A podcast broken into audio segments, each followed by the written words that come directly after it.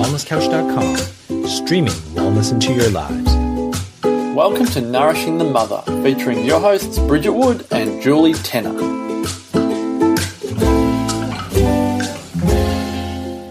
Hello and welcome to Nourishing the Mother. I'm Bridget Wood. And I'm Julie Tenner. And today's podcast is The Masterclass is Back because that had such a great resonance last time we did several of them. Yeah. Uh, when was that? Back in Oh, September, October? Yeah, late last year. So, this one is a masterclass on effortless transitions with our kids. And so, we're going to take the conversation very much around transitional states for ourselves, for our mm. children, you know, even transitions as small as getting out of the house mm. versus the big ones like going to school or childcare. Before we jump into that, we'd love to remind you to jump onto nourishingthemother.com.au and sign up to join our tribe. On the homepage, there is a button to press, and you will then drop in your email address. And once a week, we will send you a newsletter. Hmm. And that wraps up everything we've put out in the world with links and a little bit of a blurb on it. So you can pick and choose where you'd love to dive deeper. And occasionally we send you a second email where we've had a particular, you know, thought process, epiphany, awakening, conversation, you know, something we'd share between ourselves Yeah. that we think would probably light light your fire too. So jump on to nourishingthemother.com.au and sign up to join our tribe. And I love that this we're, we're kicking off our masterclass with this topic because I think transitions itself can be a little bit overwhelming, particularly for mothers with young children who are thinking about perhaps adding to their family and thinking, "How the hell am I going to do Yeah, this?" that's true. That's another big transition. It, it is, but but I mean, the, the fear and the overwhelm and the the the constant questioning about how you're going to manage that. Mm. It comes from this idea of, of of how I can't even do X Y Z. How am I going to do that? Mm. And I think it's one of those things when you figure out how to get the smaller things working, you all of a sudden then have this sense of capacity for managing the bigger things. Mm. And I said to Jules, this is probably a good topic to kick off with because it's funny. I was just reflecting. We're about six or I don't know how many weeks we are, six or seven weeks into school now, and I'm like, I haven't yelled once to get out the door. What is this? I think you're the messiah. well, I wasn't last year in kinder year. So, and I think probably because I've got a, you know, a lot more to juggle with a long school drive and stuff, I have to be more more mindful and more organized. That's so interesting. And I was having a chat about it to a school mum who was saying, yeah, she's like, I just realized, uh, you know, I've, I've, I've got all these routines for the kids, but I don't have these same, you know, routines for myself. And I was like, that's where it is. It's so much about governing ourselves and putting, you know, the the things in place to help ourselves get ready and get out the door so that we can then assist our children too. Mm. Because if we don't have our kind of ship on path, like it's really, really hard to ask anybody else around us to to be focused and, and ready to ready to go for the day. Mm. And we talk about this, don't we, a lot? You know, this, you know, this, you you have to be the captain of your mothership, or it's gonna, you know, it's gonna gonna go to shit. Yeah. And you, particularly as a mother of four, have, have largely nailed that. I think a, a lot of the time. Yeah. Yeah. I don't know where to take the conversation on that. I'm, I'm just interested in the transition for you between, can we go there? Between, Kinder and yeah, Yeah. between kinder and school, because essentially, right, you're still the same woman. They're still the same kids. yes, So what's, uh, what's changed? I think that it's for me setting in my head and burning into my brain, oh, we've got to do this and be this at this place every single day of the week. There is no, oh, on this day we get to do this and on that day we get to do that. And there's no, there's a lot, there's no floatiness around it. It's commitment. This is what we're doing. There is no like choice or option out of it. Therefore, I need to figure out what I need to bring to my mornings or um, to the night before, even so that I can deliver on that, you know, need to show up for It's school. so interesting to me that you framed it as commitment. Why is that? I I just find that really interesting that in your mind, you have obviously, I would say, a high value on relationship, which is essentially what commitment is. Yeah. And that when you're able to almost compartmentalize school as a relationship, mm. your commitment and therefore your organization is bang there. Mm. Don't you think Yeah, that's it is interesting? interesting. And I think also I recognize that how well um, Hugo's likely to to go with the school drop off is going to be as a result of how well I've set him up for that. Tell you me know? about that. Well, he- there's going to be like in my in my mind there's going to be less resistance to going if the more um, solid and concrete and connected I am with the choice of us to go and the choice of us to leave the house when we do and the choice that I make for us to, you know, play around what we play around in order to get out the door or, you know, in the car to prepare for school. I think all of those things are little, you know, kind of markers for how well he is able to disconnect from me for the day and go into his day, which is still a huge like leap for him. And he's still, I can see him working through a lot of what's going on there. And I know that the more I can self govern myself and know what I need in order to get him there, the better he's going to do there.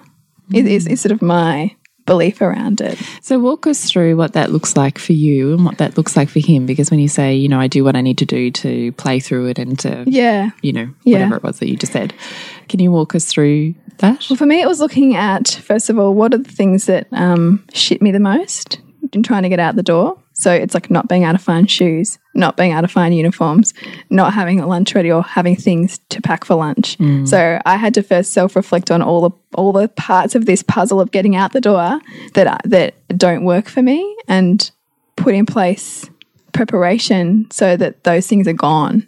Mm. Because those things, it's like that. It's like it's like you keep banging your head against a wall. It's like the same thing all of mm. the time, and yet why do you keep running into it?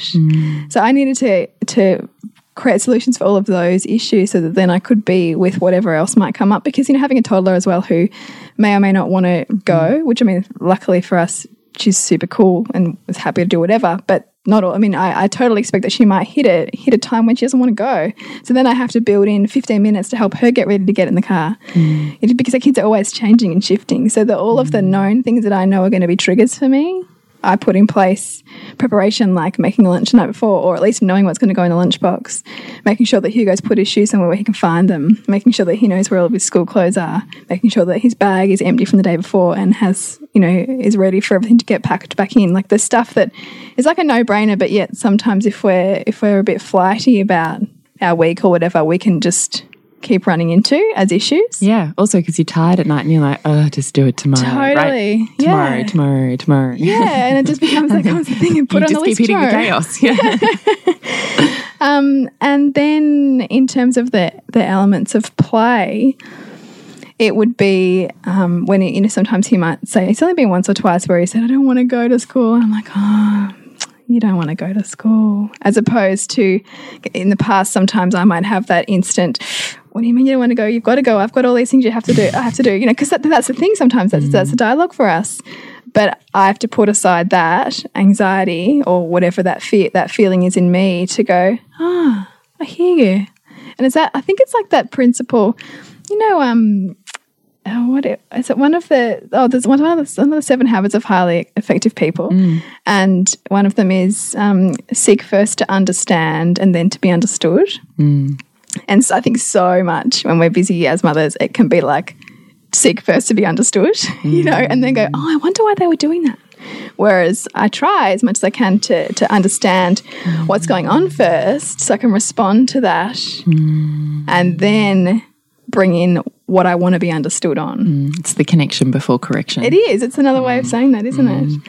And so, you know, sometimes, you know, he's got into bed and he's he said he doesn't want to go. And I'll simply just sit with that.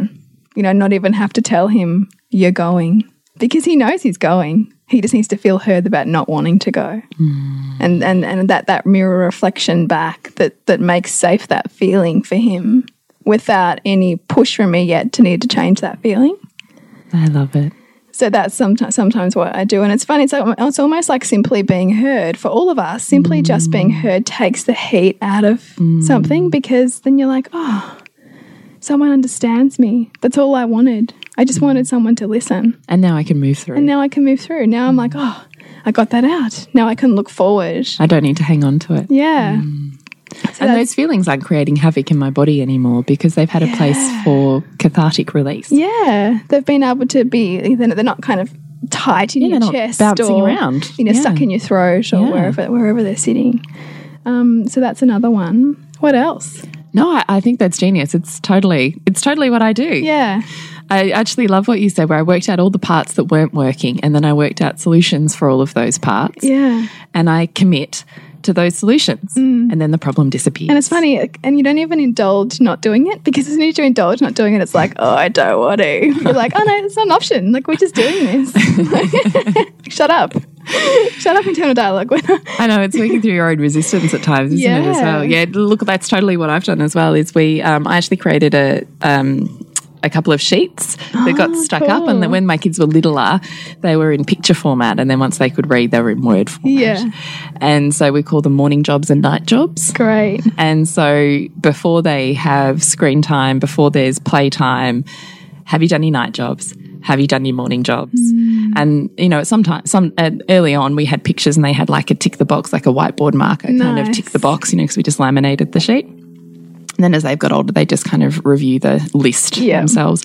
And it sort of takes that sting out. And I also realized I don't have to do it all, that they're quite capable of doing many of the multiple tasks that I That perceived I had to do. Which is which I think is that getting to that point is also genius because you recognize, oh, I don't have to take all of the mother load because when I empower my children to do some things for themselves, it on- not only frees me up, but it's actually a gift to them Yeah. because you know I can They're self reliant. they get become self reliant. And the thing is, I mm. know like my dad picked up after us all of the time, and that's actually just quite disempowering. Like to have someone pick up after you. Tell me about that.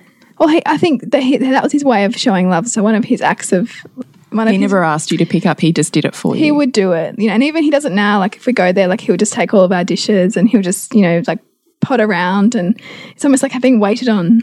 You know, Wow. and that's his act of love. You know, his, his acts of service. You know, he's not a really. Um, he can't speak about his emotions. He can't sort of deeply have a, a big DNC. Sorry, big D, big D the fuck, big D and M. Why am I even talking about miscarriage right now? I don't know. But anyway, big D and M. It's on the radar though, isn't it? Because we're having we're, we've found this gorgeous site segue. We found Yes. this absolutely gorgeous Oh, couple we at MummyCon yeah. that we um, are currently in um, you know email conversation with to interview, and it was around Yeah. pregnancy loss. I think we've probably got We've that probably got, got, got that on, on our brain. Yeah. So sorry about that little segue. But yeah, my dad's not that person who will sit and, and hold my space and have this amazing conversation, but he will do incredible acts of service. You know, he would always pick me up from parties, like wouldn't even like flinch. And that was his way. Um, and, and I'm deeply grateful for that. But I can also see where, you know, it can make you make kids lazy. We just want to take a moment to talk to you about our aligned parenting program, which has very much been created from both myself and Bridget from our hearts and our minds, and our years of parenting wisdom, which is very much built upon a foundation of every conscious parenting book that's ever been written, every in person experience that could possibly have Manifested. manifested. yeah, absolutely. And we realized we still got to this point where we had no understanding or deeper insight beyond our children's needs, and we needed to feel into our own bodies and our own minds and our own sense of desire and want in this world as much as within our relationship. Mm. And we didn't know where to go beyond children's needs. Mm. And it's a relationship like no other, that parent child dynamic. You know, it's not something that just comes naturally if we seek to both raise children with strong emotional intelligence and grow as women and mothers and partners and wives. Mm. So, what we've done is opened our aligned parenting program up for lifetime access. Yeah, so that's $197 in one payment, or you can have it in three payments of $66. And what that means is that you get instant access to all of our course material, and you'll also go into our private Facebook group with our tribe and another group where we will facilitate month bi monthly live webinars. And we'll also Yep. have facilitation with you after those webinars to hash out any conscious parenting dynamic that you find yourself in and, and where you want to really upskill. Mm. And that's for lifetime. So we really invite you to jump in to Align Parenting Programming with us, where we really work on creating deeper insight and greater connection within your world. So, what is the disempowering part for you then? So, your dad's shown you love in the form of service and picked up after you, and you never had to take responsibility for that aspect. Mm. How do you perceive that to be disempowering to you as the child of that, now as the adult of that? Well, I think as a child, it makes you think that everybody else is going to pick up after you and that you don't have to have self responsibility um, to, you know, follow through on what you've created. Like if you've created, you know, a mess. Someone else will clean up your mess. Yeah, you. someone else will clean up your mess for you. I don't think that that's very empowering. Um, but I know that the flip of that, there's a lot of cultures where you know mothers will do everything for their children, you know, and even adult children, um, even wash their clothes and things like that. Which I just go, uh, uh like I have a problem with that because I, I I feel like it's. Um, and you know, on some level, is it is it a bad thing or is it actually effective outsourcing? I don't know, like which way you want to look yeah, at it. yeah. But certainly for me, I I mean I know that my void perhaps on um, on that feeling of disempowerment around things always being done for me like that is you know really inspires me to help my children learn to have self responsibility and look after their things and know where to get their own water and you know know how to do things for themselves as opposed to things being done for them. And I mean, I, I recognize that we've always got both sides. Like, I was also someone who got a job really young and, and was self reliant in that way. Um, but I can see how sometimes the very things that we think are love and we think are a great gift and that we should do these things for our children can actually be um, robbing them of the opportunity to learn how capable they are within themselves. And I mean, that's uh, absolutely what I love about the education that I've chosen for Hugo, which is all about help me do it myself and building internal discipline. Um, likely from my own perception of some kind of lack in that area, because we're always giving our children what we Perceived, perceived was missing, for us. Um, No, no, keep going. keep going. I'm confused whenever you look. Sorry, I just I, because I'm paranoid about Yeah. it now. We've had the MummyCon. I'm just I have this moment where I'm like, just check and then you can be present again. Sorry, It's okay. I'll let it. Okay. So, uh, you know, this is a, a bit of a segue to our the topic today, but so much of our children, they, so much of what they are representing to us are areas for us to grow through ourselves. You know, and whether that be what do I need to do to empower myself so that I can help this ship sail more smoothly in terms of the transition, transitions that we make every day, versus what are the pain points for me that I still have around my own childhood and how they um, being reflected mm. to me now through my children, and and and how can I, you know, heal that in a way that is empowering for both myself and my child, as opposed to putting a band-aid on a wound and soothing and and keeping both of us stuck in this mm. this dance between what I'm trying to find, what I'm trying to soothe that that I think I didn't get when I was when I was a child. Mm. It's such a, a lovely, beautiful, delicate dance that we always find ourselves in at whatever level our children are at. But when we can bring more awareness to them, we can start to we can start to choose more consciously what we want to continue with and what we want to let go of. Hmm. I think I think you're right. Do you want me to tell you what's on my morning jobs and night jobs list? I really want to know because we are at the point now of laminating because I forgot the library bag and the library books last week. So I'm like, okay, we need a sheet Yeah. and you need to go and look at your sheet every day and see what we need to put in your bag. Yeah. So I would love to know what's on your morning and night jobs list. Yeah, well, I have that stuff. So, um, and as the kids get older, they get things like diaries and their sports day when the uniforms change. And then as your kids get older, you then have extracurricular activities as well. And uh, one of my biggest pain points is needing to get out the door and no one can find the thing that they need to get out the door. It kills me. Like, if there is one surefire way to get me from naught to a thousand, it is that. So the way that we avoid that is by preparation the night before. Yeah. So the night before they have to get out, literally lay out and pack everything they need for the next 24 hours. Mm.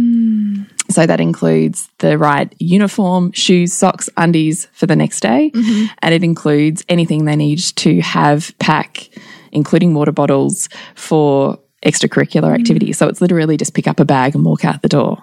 Chuck Do you do this with your out the door. four year old as well? Yeah, I do. You hard ass. Well, it's just easy. She actually loves it. Do you know she's even role playing homework at the Oh, moment? really? She freaking loves it. Let me tell you, if there is a child that is built for For the school system. oh it is well my my eldest as well, which is how we ended up in the mainstream school system. But but it is her. she funny. is like loves it. She loves if it is black white rule routine. freaking loves it. Which is gold, and also because it's- perfect for the lifestyle that you have, like in terms Well, of it adaptable and but it's also responsibility. Mm. She actually loves having responsibility. Mm. And I actually don't think I actually think there's a lots of kids because it's a form of power and control in a day that's otherwise powerless. Yeah. So if they get to have more power and control over and autonomy over themselves and their lives, I actually mm. see that as empowering as opposed to disempowering. Me too. So we just include her in it. I mean, you know, not not I don't have quite the same level of Expectation. Yes, yes. But you know, for her to, you know, Lola, have you got your shoes out? Have you got your kinder bag packed? You know, like that's all great stuff for her to be doing.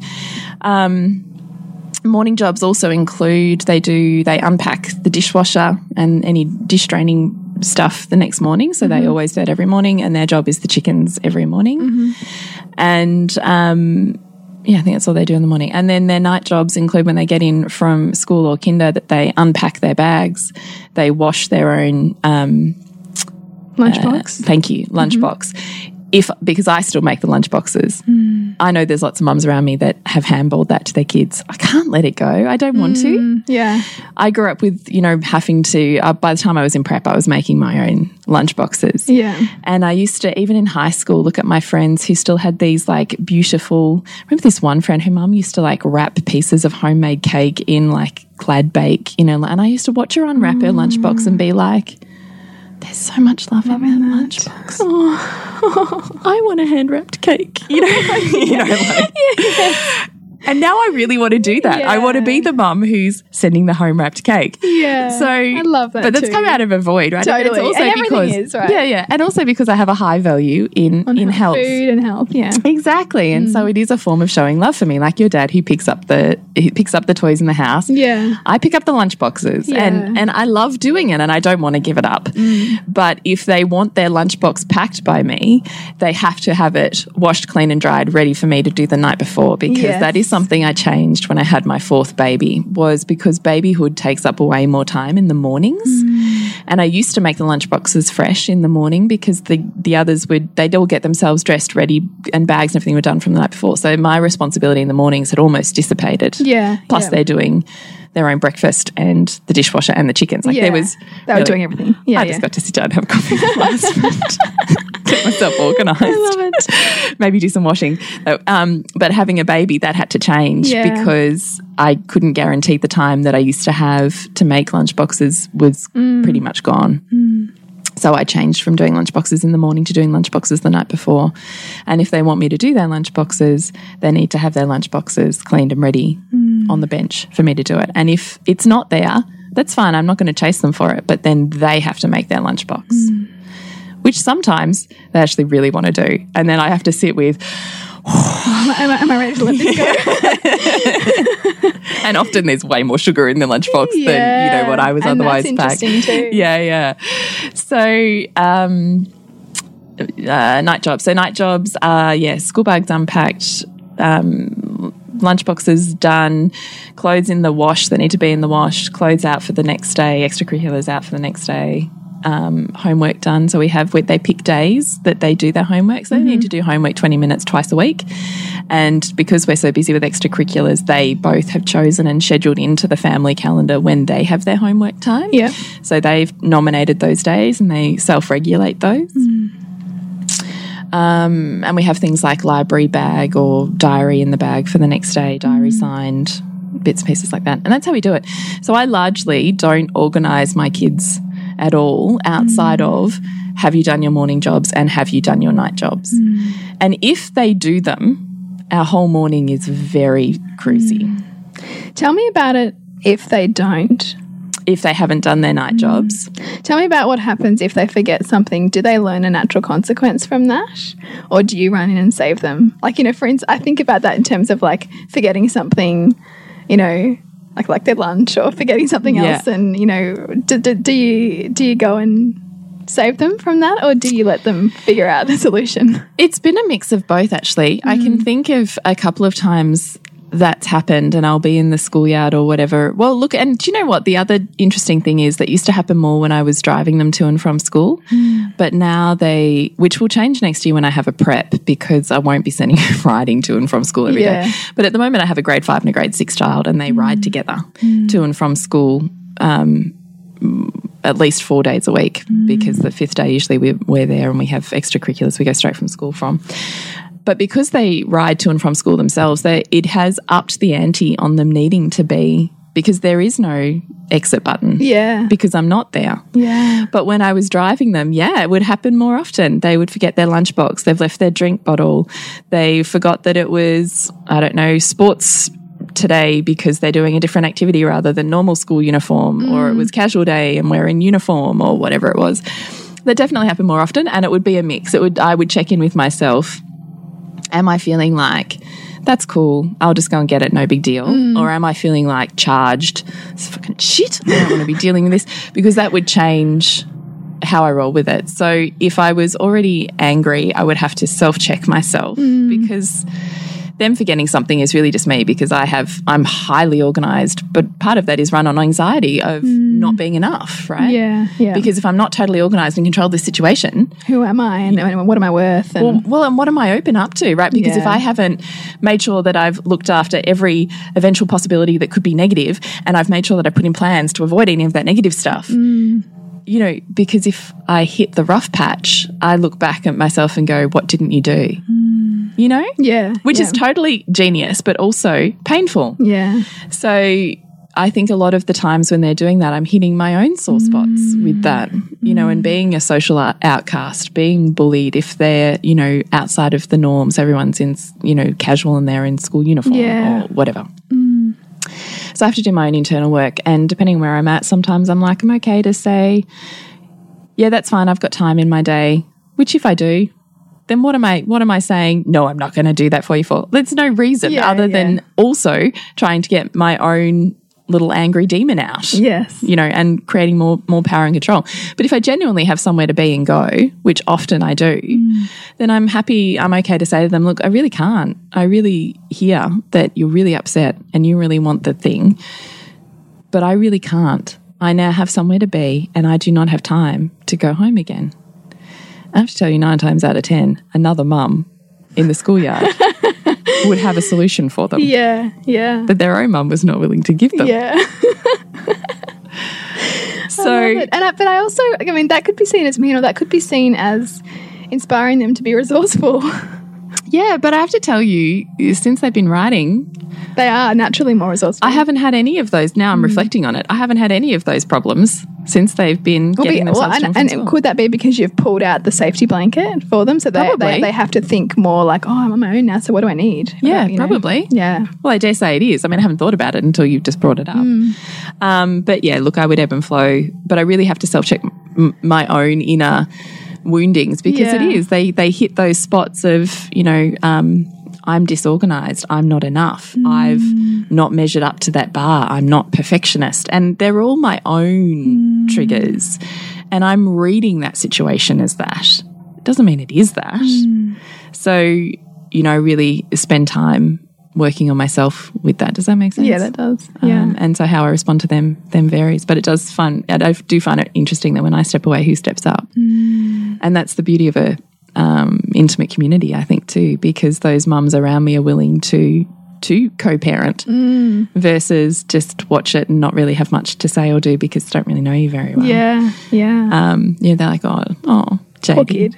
I've got a spare drink bottle. Just go to my car and get it, you know, or whatever. And I'm like, you don't have to do that. and they're like, oh, JD, I'll look after you. and how much does that serve too, though, it really right? does. It really does. Is they it helps really- them build those connections. and that- Yeah. that sense of warmth and Yeah, and when I'm not, when they're not getting warmth from this mother, they're getting warmth from another mother. yeah, And who can judge that that's wrong, right? Yeah. Because they have a mother here and they have a mother They there and they mother have a mother in some form. Mm. Yeah, exactly, exactly. So um, night jobs and morning jobs have definitely saved saved um, saved my sanity. Can I say it that way? Mm. That's same as what you're doing. Yeah. but you got to work out what your pain points are and then work out what your solution I think that's the key because I think our natural animal sort of response is to go into blame. Like, you know, you haven't been organized enough, or you didn't think of this, or you mm. didn't do that. But when we can start to turn it back on ourselves and go, okay, what do I need to be able to bring more spaciousness to what's going on here to enable the whole family to to work? And that's I think where the where the gold is. I think for me, a lot of my preparation had really came from knowing, okay, I'm making this shift by choice to go from the kinder or school around the corner that we can walk to, and the school that takes up to 45 minutes to drive to each mm. way. It's brutal. So I can either resent that choice or and, allow, and have days where I, you know, hate it, or I can accept that this is the choice I've made. So therefore, what do I need to put in place to make that mm. choice feel more effortless? Mm. Because it's all a choice how we're gonna how we want to perceive what's going on for us. Mm. And I knew that I needed to bring greater organization to that, so that I wouldn't turn around six months down the track or whenever, um, and make it about that thing that's the problem versus what I'm bringing to it, the energy that I'm bringing to it. I love it. So, do you want to talk about other transitions? Because in our transitions toolkit, we talked about, um, I'm trying to remember now, we talked about definitely variations of emotional transitions. So, excuse me, I'm going to sneeze. Bless you. Oh, sorry. Thanks. um, we talked about tears. We talked about shutdown. Um, was there something else we did? Anger, maybe? Yeah. And then we talked about transitions for us and transitions for our children. I mean, is there anything there you want to pull apart? I think there's some. I mean, there's a couple that are going on for me at the moment. One of them is um, transitions in terms of sleep and creating greater distance in sleep with my toddler, and noticing where she's got a bit of a um, what we might call like a control pattern or a pattern that she's stuck in that's keeping her up. Um, and I was explaining to Julie before uh, we started recording that, you know, I've now had to put in an intervention with myself and her around needing to make sure that I'm wearing a bra to bed so that I don't feed her earlier than I actually want to be feeding her in the night so that she stops. Because, you know, we don't, we only, we have only done morning and night feeds for quite a long time now, probably since she was about one. But, you know, lately it's crept earlier and earlier and she's asking for milk at about four o'clock in the morning. And some mornings when I'm like absolutely shattered, I'll do it. But what I see that then manifest as is an anxiety in her looking for it, looking for that soothing in the night and looking for that soothing earlier and earlier. And, you know, we could either go into the, oh, poor thing, I'll just give her what she needs. You know, she's got this need that needs to be fulfilled. Or we can recognize that as part of a dynamic and, and what our own needs are. And, you know, I have a strong need for boundaries around bedtime now. Um, and and I have a strong belief that she can independently sleep well when she's well supported. So, you know, a transition for us is me realizing now that I'm going to need to put in place things to govern myself, which is wearing a bra to bed so I don't feed her in my half asleep, um, you know, space. And continually reiterating to her that we're going to be um, having our feed in the morning when the sun's up and we're on the couch. We are not feeding in bed and that is a transition and transitions are painful. You know she's gonna she has pain around this and i can see it because she's really getting grizzly about it. She's not enjoying it. She doesn't she fights it. But i'm okay to hold that space for her and for myself trusting that it's okay to, for her to feel upset about that.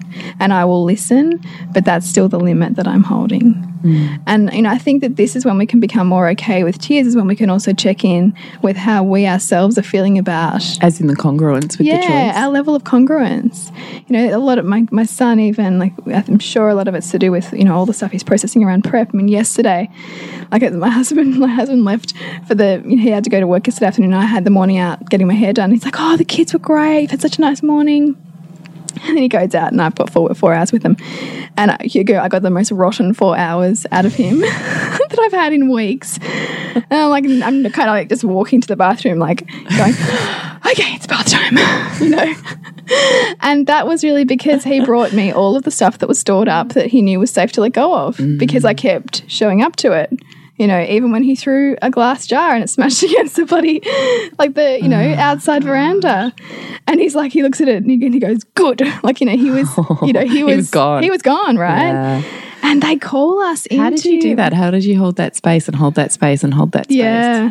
Kept breathing a lot. So breathing into my belly. And Breath really is really I mean, we talk about it a lot, but I've also noticed with you, it's it's very much a connection from head to body, isn't it? Mm, like I have really noticed that with you that Yes. that you talk a lot about breath work for a very good reason. That you have mm. worked out your pathway mm. from a head trigger to body presence. Yeah, it's a big one for me because I can be naturally very in my head and bring myself my b- myself back to my body and into my breath gives me that moment of pause to mm. recognize the space in between us and what's going on for him. You know, is separate to like what tr what's triggering me, and he mm. just simply needs to be al- allowed an outlet to move it. Mm.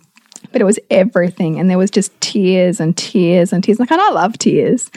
because I see them as really healing and cathartic for him to release. But there's sometimes a point where I really got to sit in with myself and go, how much can I handle right now? You know, and I kept going, even it was happening at bedtime as well. And it was the little things that he wanted. And, and I could see that it was never the thing, it was just the mm. thing that was the catalyst for him to crash against. And sometimes, you know, we can't hold it. And like I said to myself, I said, I actually can't listen to anymore right now. Like, I really need to go and have a shower. I need time with dad now. So I hear you want to do that, but it's not happening tonight. And even to be getting congruent with myself around what I, is okay for me to listen to mm. in that moment and what is not okay is really important for our kids to see too, because that's that's them witnessing authenticity at, at play. Mm. And and also them learning that oh I don't have to always be all things to everyone. And even if I'm and if I'm not feeling the capacity to be even with a friend who's who's asking too much of me I don't have to. I can listen to back to my inner compass and so it was just a lovely as, as much as it was painful yesterday afternoon I didn't want to deal with it all. Um, it was just that that really nice um, reflection on how much when we begin to make okay the spectrum of feelings in ourselves and in our children that that dance is constantly happening back and forth. The more that we can listen to them the more we can listen to ourselves the more we can listen to ourselves the more we can listen to in them. And and they're always giving us that um, opportunity i think. I love that. Hmm. That's a big shift for you. Like that's Yeah. huge growth that I'm hearing in that story yeah from even a year ago for you. That's huge growth. Hmm. Oh, and I think too, for me also, it's dancing and a real painful edge around sibling dynamics because, you know, he starts to get hurtful to her, you know, and he uses his hmm. body to hurt her, which my, my brother and I used to just play, play punch and kick and Yeah, fight. yeah. That was our thing. Which, you know, we, we found fun, but we also hurt each other. We didn't have words. And I really want to give my kids words. But I can still hear the anger that comes out sometimes when I'm trying to set that boundary, but I'm still triggered in that in setting it in the setting of the boundary. So it's just I don't want to think anyone think I've got it nailed because I'm so often going, "Fuck, is this the right way to say this?" And you know, is, is this am I is he really like going to hear this well? And you know, I think you've and I think it's healthier to constantly self check around that. Um, but definitely, I know that there's triggers for me with the sibling stuff, so that's calling me into more um, healing work. Mm. Well, and it's upskilling as well. And isn't it? upskilling, Every yeah. time you dismantle a layer, you also gain a new layer of tools. Well, because I mean, I used to be able to hold space very easily for him when it was just myself I had to protect. You know, I could grab his mm. arms and I could stop him from hurting me. But now it's stopping him from hurting me and, and stopping him from hurting her. Mm. You know, so it's another person that I'm now having to, who, who is not at the age yet where she can do that for herself. So that's mm, my mm, role. Mm. Um, and so there's there's a whole new like area of triggers to kind of sit in and and um, wade through. I really get that. I really get that. but I absolutely love that. Uh, what what I wonder if, if we can just tease out a bit too is because I'm pretty sure in our last masterclass of tears, which certainly look back on, we you know talked a lot about the philosophy and the theory underpinning holding space for tears and why we do it and how you transform them from being painful to being healing. Yes. Um, the next layer upon that is what I've heard you say, which is what we start to talk about, is where attachment and aware parenting goes so far in looking after and meeting our child's needs that we mm. often can get to the point of burnout and self sacrifice Yeah. so much for ourselves that we've lost who we are. Our relationship is mm. disintegrated with ourselves and with our partners. Mm. And we don't, we can't seem to work out how to love on this child in the way that perhaps we perceive we were not, but also to show up for ourselves. Yeah. I'm just wondering we can talk a bit about that because that is that is a big shift in philosophy from particularly, you know, attachment meeting all needs and I'll give you whatever you need. And if you're showing up saying I need breastfeeding five times a night, then that's what I need to do. Yeah. And aware parenting, while there's tears there, I need to be here to hold them until they go. You've shifted both of those beliefs. Can you talk about Yeah, that? I I noticed even last night when I um, had said to Hugo, look, you know, I'm here and I'm listening right now, but I'm not going to be able to listen to it all tonight and I'm going to say goodnight. And I knew that I was leaving him and he was feeling sad. And I know there was a point at which I would have really struggled to do that. yeah. So what what do you think is the difference there? I think it's because I recognize that that I feel like he is safe to be with the full spectrum of his own feelings sometimes. Mm. And that I don't need to be, because he's going to find himself on the playground sometimes mm. where he needs to be with how it feels to be sad on your own. And so I think it's also beneficial for him to feel like how it feels to be sad on your own when you're in home and know that you're going to be okay. Because if I'm always the person who's there to listen to everything, then who listens when I'm not there? I, d- I- I think that sometimes we can do too much of the work that they have capacity to do within themselves, particularly as he's getting older, and he's been very well versed in this for years now. Um, it's it's a it's a it's a natural um, you know opportunity for him to build that inner resilience without needing to lean on me for it all of the time. And I don't know when that key shift was made, but um, I think what the more and more you recognize what's yourself and what's your child and trying to find the distance between the two, I recognize the benefits to the challenges for him as I look and recognize more of the benefits to my own challenges for me. The more that I parent my own inner child and see the times that I might have felt alone and lonely and what they gave me means that I can then see, oh, sometimes when you're alone and lonely and sad, that will give you things too, as opposed to feeling like I'm always having to be stuck in that inner wound of my own story. I think that's key.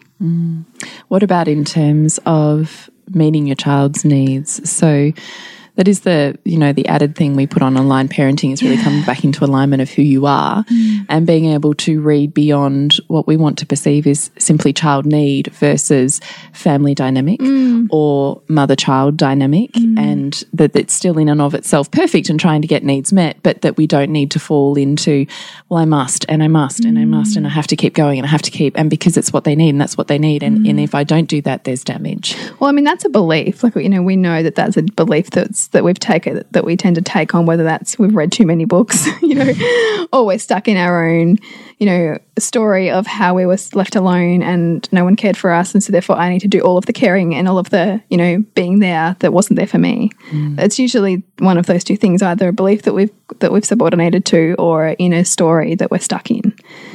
And so once you can start to to I guess pull apart each of those things and see how they're not so black and white, I think it yeah it enables us to bring more fluidity to our parenting and also check in more. Like I think a, a, a lovely mantra to sort of have uh, or guiding principle is the, the idea that the, in the boundary is the moment that we're about to lose ourselves. So if we continue to go past boundaries that are speaking to us, then we are going to continue to end up yelling, end up, you know, disconnected, end up um, overwhelmed, all of those feelings because we haven't listened to the point at which we inwardly were asking ourselves to set a boundary. And boundaries can look, don't, don't have to look like, you know, um, storming out or, or, or rudeness or anger. They can look like really calm, you know, and, and holding your sacred ground. Yeah, not puffing up not shrinking. Just st standing true and just saying I'm not able to to continue to hear this right now or I am not willing to let you speak to me like that right now. So I am going to go over here for a couple of minutes so that I can get some space back and then I will come and talk to you. You know and it's that kind of thing. And then I and I think about you know if if you've got beliefs coming up you know for yourself about oh it's not I couldn't say that or it's you know it's, it's mean or you know I've got to listen to them. I always think what about in the schoolyard? What about how much you laying the blueprint blueprint for boundaries. How much that gifts them in what that they can take into their world when you're not there. Mm. Because I see that now like in the conversations that we have you know, the way on home from the car, and like, you know, schools can be, school kids can be mean, oh they're really mean. You know, and school is in and of itself the playground is is a rite of passage. Oh my gosh, like the stuff he tells me, and like, yeah, and That's why I also think it's ludicrous, even, well, I know this is totally a segue, but with sexual stuff, because let me tell you, they are hearing everything on yeah, the playground. yeah, It Doesn't matter what's happening in your house. yeah. So they can either hear it from you or they can hear it from someone you have no idea what their context is. Exactly. Exactly. It's a, it's a that's a reason for empowering them younger. um, yeah, so I think that, that that boundary and exploring your beliefs around placing boundaries is really worthwhile. Yeah. I really love that. Hmm. What about you? No, it's like same, same. Hmm. But I was just really curious because I guess I've moved past that, hmm. whereas you've in recent times transformed that. So I was really interested Yeah, in, in the acute phase of that transition Yeah. versus me, who it's already part of a pattern of. Yeah, and I think it can be hard to connect to that if you're not there yet. Yeah. You know what I mean? Yeah, it's true. I certainly for a long time did look at you and go, "How do you kind of do that?" Like, I don't know, Yeah. because I wasn't there. Yeah, and it's hard for me to go back and join those dots sometimes too because it's it's been so long Mm. Well, if, it, if it becomes you, then it's harder to go, "Oh, that happened then," and Mm, so I was really interested in, in how you'd done that because I Mm. can really witness that change, and it's just I can feel in my body the empowerment and the sense of sacred self yeah, that comes from you as you're saying that, and I just think, gosh, that's beautiful. Like it's, what a it's a nice place to. And gorgeous place to be in your motherhood. Yeah, and I think when you can do that, you can also recognize, oh, I do have more capacity for other things that I love or other Mm. things in my life, and I don't need to be all all things to everybody. Mm, that burnout actually transforms. Yeah. yeah, yeah. So if you do find yourself hitting edges of new transitions you're being called into, or just really wanting to find the connection and fluidity and joy back in your parenting dynamics, then we would love to invite you to join our aligned parenting program, which we've now opened up for lifetime access. So you can pay in one payment of $197 or three payments of $66. And you get to dive in with us and expand more of your parenting toolkit and more of yourself in that in that dynamic. Which is a big part, isn't it? Because you've got to nourish the mother to rock the family. Absolutely. We also love you connecting with us and listening. And if you have five seconds, please rate us on iTunes or um, leave a review on Facebook. We saw. I I just of the most gorgeous. I know. I cannot. I was like nearly in tears reading that. It was ah. amazing. So thank you. Who I think it was Rosie Bear. Thank you, whoever Rosie Bear is, because that was just like, oh, this is so divine, and I and had to put it on social media because I was like, thank you. Anyway, so we do read them all, and we do really appreciate them. Yeah. Um, and to connect with us is on Nourishing the Mother on Facebook and Instagram, nourishingthemother.com.au. And to connect with you, Bridget, It's suburbansandcastles.com. and your next movies. Uh, we've got Swim Team. We've also got the Pathological Optimist. I'm looking forward to Swim Team actually because that's revolving around autistic children. It is, yeah. It's really interesting. So we're just putting the final touches on that one, which is happening on the 20th of March. Great. Well, I'd love to see that. Cool. And to connect with me is thepleasurenutritionist.com. And, Remember to nourish the woman to rock the family. and we'll see you next week when we continue to peel back the layers on your mothering journey. This has been a production of TheWellnessCouch.com. Check us out on Facebook and join in the conversation on Facebook.com forward slash The Wellness Couch. Subscribe to each show on iTunes and check us out on Twitter. The Wellness Couch, streaming wellness into your lives. Whilst the Wellness Couch presenter endeavor to provide accurate and helpful information to their listeners, these podcasts cannot take into account individual circumstances and are not intended to be a substitute for health and medical advice from a qualified health professional. You should always seek the advice of a qualified health professional before acting on any of the information provided by any of the Wellness Couch podcasts.